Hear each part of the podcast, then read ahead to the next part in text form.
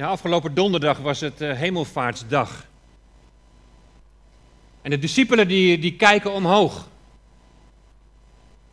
Hun meester, hun rabbi, wordt door een wolk aan hun oog onttrokken. Ze zijn drie jaar met hem onderweg geweest. Ze hadden grote verwachting wat betreft het stichten van een aards koninkrijk voor Israël door de Messias. Niet langer onder het juk van de Romeinse bezetter. Opwekking 756 bestond toen nog niet. Maar ik kan me zo voorstellen als je zo naar boven staat te kijken, dat je dit zou kunnen zingen. Ik wil zijn in de schuilplaats van de Allerhoogste. Ik wil zijn in de schaduw van de Almachtige. Dat de gedachten zijn van die discipelen, neem mij maar mee naar de Vader en laat mij delen in jullie heerlijkheid. Ik weet niet hoe jij hier vanmorgen zit. Het leven is soms best gecompliceerd. Van het ene op het andere moment kan je leven zomaar op zijn kop staan. Je kunt in beslag genomen worden door zorgen, overvallen worden door, door ziekte, door, door lijden, niet aan verwachtingen van mensen kunnen voldoen, zorgen over je kinderen. Of net zoals de discipelen plotseling afscheid moeten nemen van een geliefde. En misschien ben je wel moe, uitgeput. Grote verwachtingen zoals de discipelen en dan ineens blijkt het allemaal anders te zijn. Ik wil zijn in de schuilplaats van de Allerhoogste. Ik wil zijn in de schaduw van de Almachtige. Tja, wat, wat is je motief om daar te willen zijn? Is het een, een vluchtmotief? Kan ik me in bepaalde situaties ook best wel voorstellen. Het lijden in deze wereld, in wat voor vorm dan ook, kan zo intens zijn. Je wilt schuilen en je zoekt bescherming. Je zoekt een stukje veiligheid. Wat is je motief om bij Hem te willen zijn? Is het een liefdesmotief? Je wilt daar zijn waar je geliefde is. Wie is Jezus voor jou als je net als de discipelen zo omhoog staat te kijken? Kan het niet allebei bij Hem in de hemel zijn en tegelijkertijd je leven hier op aarde? Waarom staan jullie omhoog te kijken, zeggen twee mannen in witte pakken, twee engelen. Deze Jezus die van u opgenomen is naar de hemel, zal op dezelfde wijze terugkomen als u hem naar de hemel hebt zien gaan. En dan is het ook klaar met hun turen naar de hemel. En dan gaan ze terug naar Jeruzalem. Terug naar de realiteit van het leven. Nou, we zullen zo meteen lezen dat ze gaan met grote blijdschap. Nou, om daar iets van te begrijpen, gaan we een klein stukje terug in de tijd en wat vooraf ging aan de hemelvaart van Jezus. Dus het thema voor deze morgen is ook, zoals je kunt zien, grote blijdschap. En we gaan lezen Lucas 24 vanaf vers 44. Daar staat 46, maar dat moet 44 zijn. Dus iets eerder al. En daar staat het volgende. En Jezus zei tegen hen: Dit zijn de woorden die ik tot u sprak toen ik nog bij u was, dat alles vervuld moest worden wat over mij geschreven staat in de wet van Mozes en in de profeten en in de psalmen. Toen opende hij, Jezus, hun verstand, zodat ze de schriften begrepen. En hij zei tegen hen, zo staat er geschreven en zo moest de Christus lijden en uit de doden opstaan op de derde dag. En in zijn naam moet onder alle volken bekering en vergeving van zonden gepredikt worden, te beginnen bij Jeruzalem. En u bent van deze dingen getuige. En zie, ik zend de belofte van mijn vader op u, maar blijft u in de stad Jeruzalem, totdat u met kracht uit de hoogte bekleed zult worden. En hij leidde hen naar buiten tot bij Betanië. En hij hief zijn handen op en hij zegende hen. En het geschiedde terwijl hij hen zegende, dat hij zich van hen verwijderde en hij werd opgenomen in de hemel. En zij aanbaden hem en keerden terug naar Jeruzalem met grote blijdschap. En ze waren voortdurend in de tempel, terwijl ze God loofden en dankten. Amen. Dat uit het Lucas-evangelie. Nou, Lucas, die is ook de schrijver van Handelingen. En daarom zie je in Handelingen hoofdstuk 1 de nodige overlap. En we gaan nog een klein stukje lezen, een paar versen, over wat er gebeurt na die hemelvaart. En daar staat nog het volgende. Toen ze keerden zij terug naar Jeruzalem, van de berg die de Olijfberg genoemd wordt, die vlakbij Jeruzalem is. En daar een sabbatsreis, dat is ongeveer 800 meter, daar vandaan ligt. En toen ze in Jeruzalem gekomen waren, gingen ze naar de bovenzaal en bleven daar. Namelijk Petrus en Jacobus en Johannes en Andreas, Filippus en Thomas, Bartholomeus en Matthäus, Jacobus de zoon van Alfeus en Simon Zelotus en Judas, niet te vergissen met Judas die Jezus verraden heeft. Nee, dit is een andere Judas, Judas de broer van Jacobus. Elf discipelen. En deze bleven allen eensgezind in het bidden en smeken met de vrouwen en Maria, de moeder van Jezus, en met zijn broers. Nou, hier in Handelingen, daar kun je niet echt iets lezen over de gemoedstoestand van de discipelen. Maar wel dat ze eensgezind volharden in het bidden en het smeken. In het Lucas-evangelie, hebben we net gelezen, daar kun je wel iets lezen over hun gemoedstoestand. Daar staat namelijk in vers 52, en zij aanbaden hem en keerden terug naar Jeruzalem met grote blijdschap. Je neemt afscheid van je geliefde, je neemt afscheid van je meester.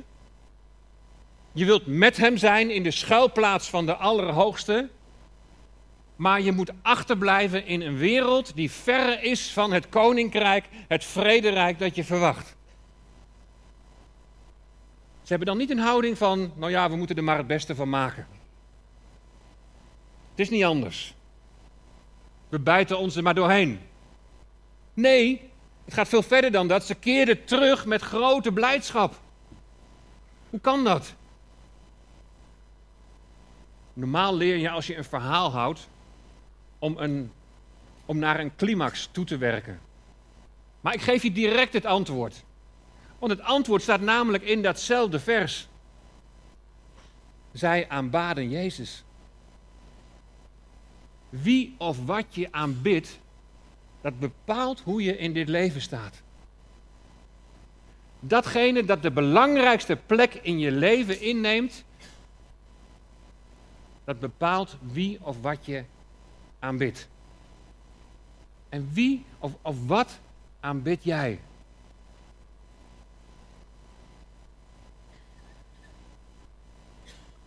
De Bijbel die spreekt over zonde. En vaak denken we dan aan zonden in het doen van verkeerde dingen die tegen Gods wet ingaan. Ja, dat klopt helemaal. Maar ten diepste is zonde het afwijzen, het negeren van en in opstand komen tegen God. God niet als God behandelen. Hem niet de eer geven die hem toekomt.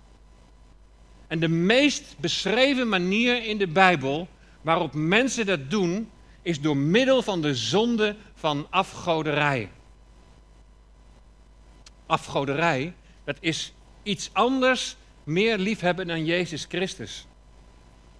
Afgoderij, dat is iets anders als belangrijker beschouwen dan Jezus Christus voor je doel in het leven. Voor je geluk, voor je veiligheid, voor je eigen aanzien. De reden hè, waarom het zo belangrijk is om de zonde van afgoderij, om die ook te onderkennen, is dat het voor een lange tijd kan groeien in een deel van je leven en daar diep kan doordringen. Zonder dat het direct leidt tot een duidelijke schending van Gods wet. En je leeft misschien wel netjes, je begaat nog niet direct grote zonden. Iemand die afgoderij heel goed weet te vertalen van de oud-testamentische situatie hè, van het bouwen van offerhoogten en dan de afgoden aanbidden, naar, naar, de, naar de realiteit van vandaag is Tim Keller. En hij geeft, hij geeft het volgende voorbeeld. Stel dat welvaart en carrière te belangrijk voor je zijn geworden. Ze worden afgoden. Dan leiden ze je tot hard werken en uitputting. En ze zorgen ervoor dat je meedogenloos wordt. Het blokkeert de groei van een, van een liefdevol hart. De vrucht van de geest. Het kan je relaties laten verwateren. Het kan de relaties met je familie beschadigen. Het kan je vriendschappen kapot maken. Als deze dingen lange tijd voortduren, dan gaat er iets mis. Al deze dingen kunnen lange tijd voortduren voordat het de grens passeert van liegen, bedriegen of overspel. Je kunt een afgod maken van welvaart en carrière, zoals je van heel veel dingen een afgod kunt maken. En alle afgoderij leidt uiteindelijk, als het maar doorwoekert, tot dit soort van zonde. Het is heel belangrijk dat je een juist begrip van zonde hebt. Zonde is niet slechts het doen van verkeerde dingen, maar het verandert goede dingen in zaken die voor jou van groter belang worden dan Jezus Christus. En het ruïneert je ziel, het verwoest de gemeenschap en het onteert God. Voor de discipelen komt Jezus op de eerste plaats.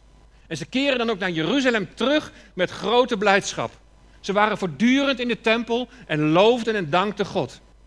Ze bleven allen eensgezind volharden in het gebed en in smeken. Geen uiterlijke vroomheid, maar loven en danken en bidden en smeken vanuit een innerlijke verbondenheid met Hem die in hun leven op de allereerste plaats komt. Wat heel belangrijk is, is dat zij bidden met verwachting. Eensgezind, met hetzelfde verlangen. Om te laten zien hoe belangrijk en juist de verwachting is, hebben we net even een stapje terug gedaan in het Lucas-evangelie. Een stukje terug, een stapje terug gedaan in de tijd. We zien daar dat Jezus na zijn opstanding dus verschijnt aan zijn discipelen. En het is een ontmoeting die de discipelen, de leerlingen van Jezus, de ogen opent. Er wordt hun iets duidelijk. Net als bij de Emmausgangers laat Jezus namelijk zien wat in de wet en de profeten en in de psalmen, dat is het hele Oude Testament, daarin laat hij zien wat allemaal op hem betrekking heeft. Nou, we hebben al heel vaak gezien dat heel veel vanuit het Oude Testament al heen wijst naar de komende Messias. Al heen wijst naar Jezus Christus. Hier in Lucas 24 staat niet uitgebreid beschreven wat Jezus daar allemaal over vertelt. Maar er wordt wel een hele belangrijke conclusie getrokken. Want Jezus die zegt namelijk tegen hen het volgende. Zo staat er geschreven. En zo moest de Christus lijden en uit de doden opstaan op de derde dag. Zo staat er geschreven. Waar was Jezus mee bezig? Uitleggen wat in het Oude Testament op hem betrekking had. Zo staat er geschreven. Dus daaruit, uit het onderwijs wat hij gaf, kon je al concluderen, dus vanuit het Oude Testament, dat de Christus, de Messias, dat hij moest lijden en uit de doden opstaan op de derde dag. In het Oude Testament, jaren even voordat het plaatsvond, wordt zijn lijden en zijn opstanding al voorzegd. Nou, heel bekend over zijn lijden is Jezaja 53. Daar staat dat hij als een lam ter slachting is geleid. Er staat daar nog veel meer wat allemaal heen wijst naar zijn kruisiging. In de psalmen, daar wordt het volgende voorzegd. In psalm 16, vers 10. Want u zult mijn ziel in het graf niet verlaten. U laat niet toe dat uw heilige ontbinding ziet. In het Nieuwe Testament betrekt Petrus dit, dit gedeelte, dit vers, Psalm 16, vers 10, op de opstanding van de Heer Jezus. De Christus, de Messias, moest lijden en hij zou op de derde dag opstaan uit de dood. Nu snappen de discipelen dat hij moest lijden. Want dat paste eerst niet in hun plaatje van de Messias. Hun verwachting was dat hij direct zijn aardse koninkrijk voor Israël zou vestigen. Daar paste dat plaatje van dat lijden niet in. Weet je, verkeerde verwachtingen leiden tot grote teleurstellingen. Nu hebben ze een juist godsbeeld wat de Heer Jezus Christus betreft. Dan een tweede aspect van verwachting. Wat verwacht Jezus van zijn discipelen die hier achterblijven op aarde? Nou, we hebben dat gelezen in Lucas 24, vers 47. En in zijn naam moet onder alle volken bekering en vergeving van zonde gepredikt worden, te beginnen bij Jeruzalem. Bekering betekent je tot God keren. Betekent je afkeren van die weg van afgoderij.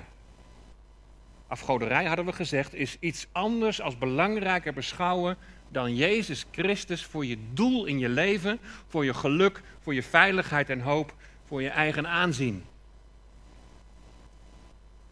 Het is niet alleen een kwestie van je tot God keren, je doet dat in het besef dat je vergeving van zonde nodig hebt. Om te kunnen zijn in de schuilplaats van de Allerhoogste, moet je eerst gereinigd worden om in Gods heilige nabijheid te kunnen zijn. Nou, het doopwater is een symbool van reiniging. Maar de waarachtige reiniging vindt plaats door het bloed van Jezus. Wat duidt op het, zijn leven dat hij gegeven heeft aan het kruis van Golgotha. Jezus moest lijden. Hij moest sterven om verzoening tussen God en mens tot stand te brengen. Daartoe zijn we uit onszelf niet toe in staat. Ons bloed is onzuiver. Eh, je bent besmet met zonde. We zijn geneigd tot afgoderij in welke vorm dan ook. Wat de Bijbel ons leert is dat als je beleidt dat Jezus Heer is, dat Hij Heer is over jouw leven, dat Hij zijn leven gaf voor jouw zonde, dan is Jezus' kruisiging is jouw kruisiging. Zijn dood is dan jouw dood. Die natuurlijke geneigdheid tot afgoderij, die wordt aan het kruis gespijkerd. In de doop laat je dat symbolisch zien. En je daalt af in het watergraf. Je sterft en je wordt begraven. Je oude ik, dat gescheiden van God was, dat sterft en wordt begraven. Wat de Bijbel ons ook leert is dat als je beleidt dat Jezus Heer is over jouw leven, dat Hij zijn leven gaf voor jouw zonde, dat Jezus opstanding ook jouw opstanding is. Een nieuw leven in relatie met God. Jezus moest lijden en ten derde dagen opstaan, opdat wij daarin delen. En daardoor het waarachtige leven, het eeuwige leven ontvangen. De discipelen hebben nu het juiste godsbeeld van de Heer Jezus Christus. Hij moest lijden en ten derde dagen opstaan. Daarnaast weten ze heel duidelijk wat, wat hun taak nog hier is, hier op aarde. En ten derde, ze weten dat ze er niet alleen voor staan. Jezus had al beloofd dat hij zijn discipelen niet als wezen zou achterlaten. Lees maar eens mee in Johannes 14 over die belofte. En wat er door de Heer Jezus verder nog wordt beloofd. Ik zal u niet als wezen achterlaten, heeft hij tegen zijn discipelen gezegd. Ik kom weer naar u toe. Nog een korte tijd en de wereld zal mij niet meer zien. Maar u zult mij zien, want ik leef. En u zult leven. Op die dag zult u inzien dat ik in mijn Vader ben. En u in mij en ik in u. Ik kom weer naar u toe. Weet je, het komen van de Heer Jezus heeft twee betekenissen. Wat de belofte op de olijfberg betreft, gaat het over het fysiek weerkomen van Jezus als het aardse koninkrijk voor Israël wordt gevestigd. En als vanuit Israël, vanuit Jeruzalem, de vrede in deze wereld zal komen. Het moment dat zijn voeten zullen staan op de olijfberg, dat is een moment dat in de toekomst nog staat te gebeuren. Maar hier in Johannes 14 gaat het over het weerkomen in de persoon van de Heilige Geest. Die ook de geest van Christus wordt genoemd. Voor de wereld zal hij niet zichtbaar zijn, maar voor de discipelen, voor de gelovigen wel. Want ik leef zegt Jezus. Hij is immers opgestaan uit de dood. En dus jij zult leven. Je deelt immers in zijn opstanding. Het is niet een kwestie van fysiek zien, maar wel op wonderlijke wijze verbonden zijn met Christus door zijn geest. Als ik kom door mijn geest, zegt Jezus, als het ware, dan, dan, dan zullen jullie op die dag inzien dat ik in mijn Vader ben en u in mij en ik in u. U in mij, de gelovigen in Christus. En ik in u, Christus in ons door zijn geest. Zie je, zie je die verbondenheid, zie je, zie je die wonderlijke eenheid? Besef je dat als gelovige? Je eenwording met Jezus Christus. Dan is er vergeving van zonde. Dat kan niet anders, want de Vader ziet ons aan in zijn Zoon. Besef je dat hè, als je wordt gedoopt? Het zichtbaar maken van je eenwording met Jezus Christus. In de doop getuig je met Hem gestorven en met Hem weer opgestaan. En daarna mag je aan alle volken, aan iedereen bekering en vergeving van zonde verkondigen. En niet vanuit een negatieve veroordeling of om zieltjes te winnen voor je eigen parochie. Maar dat doe je voor de eer van God. En om anderen te laten zien wat de weg is naar grote blijdschap. Naar echte blijdschap. Die niet een blijdschap is van een moment, maar een blijdschap die over de grens van dit leven gaat en die tot in alle eeuwigheid is. En die weg naar grote blijdschap is Jezus aanbidden. Hij op de eerste plaats. Dat betekent Hem volgen in zijn dood. Erkenning dat je door je zonde ver van God die heilig is verwijderd bent. Hij op de eerste plaats. Dat betekent Hem volgen in Zijn opstanding. Geloven in Zijn opstanding. Uit Hem nieuw leven ontvangen. En daaruit volgend betekent Jezus op de eerste plaats dat je doet wat Hij zegt. Omdat Hij het beste met jou voor ogen heeft. Je staat er niet alleen voor. Jezus die gaf de volgende belofte aan zijn discipelen. En, en zie, ik zend de belofte van mijn Vader op u, maar blijft u in de stad Jeruzalem totdat u met kracht uit de hoogte bekleed zult worden.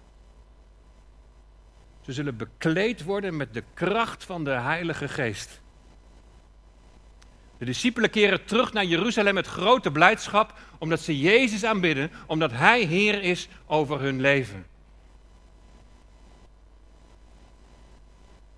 Er is grote blijdschap, omdat nu duidelijk is geworden welke weg Jezus moest gaan. Hun verwachtingen zijn bijgesteld. Er is grote blijdschap, want ze weten wat hun taak is. Bekering en vergeving van zonde verkondigen. Een taak voor de eer van God en de redding van mensen. En er is grote blijdschap omdat ze er niet alleen voor staan. Hun relatie met Jezus Christus wordt nog intiemer dan voorheen. U in mij, ik in u, door de geest die in hen komt wonen. De Heilige Geest zal kracht geven. Die zal hen bekwaam maken om de boodschap van bekering en vergeving van zonde te brengen. Die zal troosten en bemoedigen als lijden en vervolging hun deel zal zijn. En ze weten dat dit hun deel zal zijn. En toch, toch grote blijdschap. Een blijdschap gebaseerd op hun verbondenheid met hun Heer, die op de eerste plaats komt. Kan het niet allebei? Bij Hem zijn in de hemel en en leven hier op aarde. Door geloof in de Heer Jezus Christus is allebei een feit. We hebben het gezien vanmorgen. U in mij en ik in u. Niet fysiek zijn daar waar Christus is, maar in zijn geest met hem verbonden. Gods koninkrijk is nog niet op deze aarde. Daarom is er lijden en onrecht. En Remco die laat, die laat zo meteen in de doop laat hij zien dat hij in geestelijke zin overgegaan is van het koninkrijk van deze wereld, die nog onder de macht van de boze ligt, en wat we om ons heen de gevolgen daarvan ook zien, naar het koninkrijk van de zoon. En zo ben je in de schuilplaats van de Allerhoogste. Wij zijn niet Gods koninkrijk, maar wij zijn door onze verbondenheid met Christus, zijn wij hemelburgers, die al iets van de principes van zijn koninkrijk mogen laten zien door Jezus karakter te weerspiegelen. Wie of wat is jouw aanbidding waard? Wat is het wat jouw grote blijdschap geeft? Is die vreugde een vreugde voor het moment of heeft het ook echt eeuwigheidswaarde? Als Jezus wordt gedoopt aan het begin van zijn bediening, vlak voordat hij begint te preken, bekeer u, want het koninkrijk der hemelen is nabijgekomen. Bekeer u, want dat aardse koninkrijk voor Israël is nabijgekomen. Op dat moment daalt de geest in de gedaante van een duif op hem neer en dan klinkt er een stem uit de hemel. En die zegt, dit is mijn zoon, mijn geliefde, in wie ik mijn vreugde vind.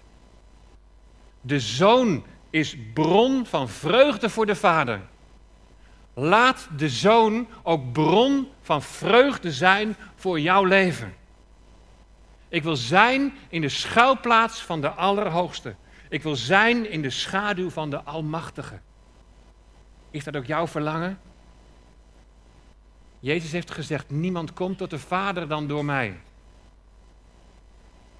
Jezus is de weg, de waarheid en het leven.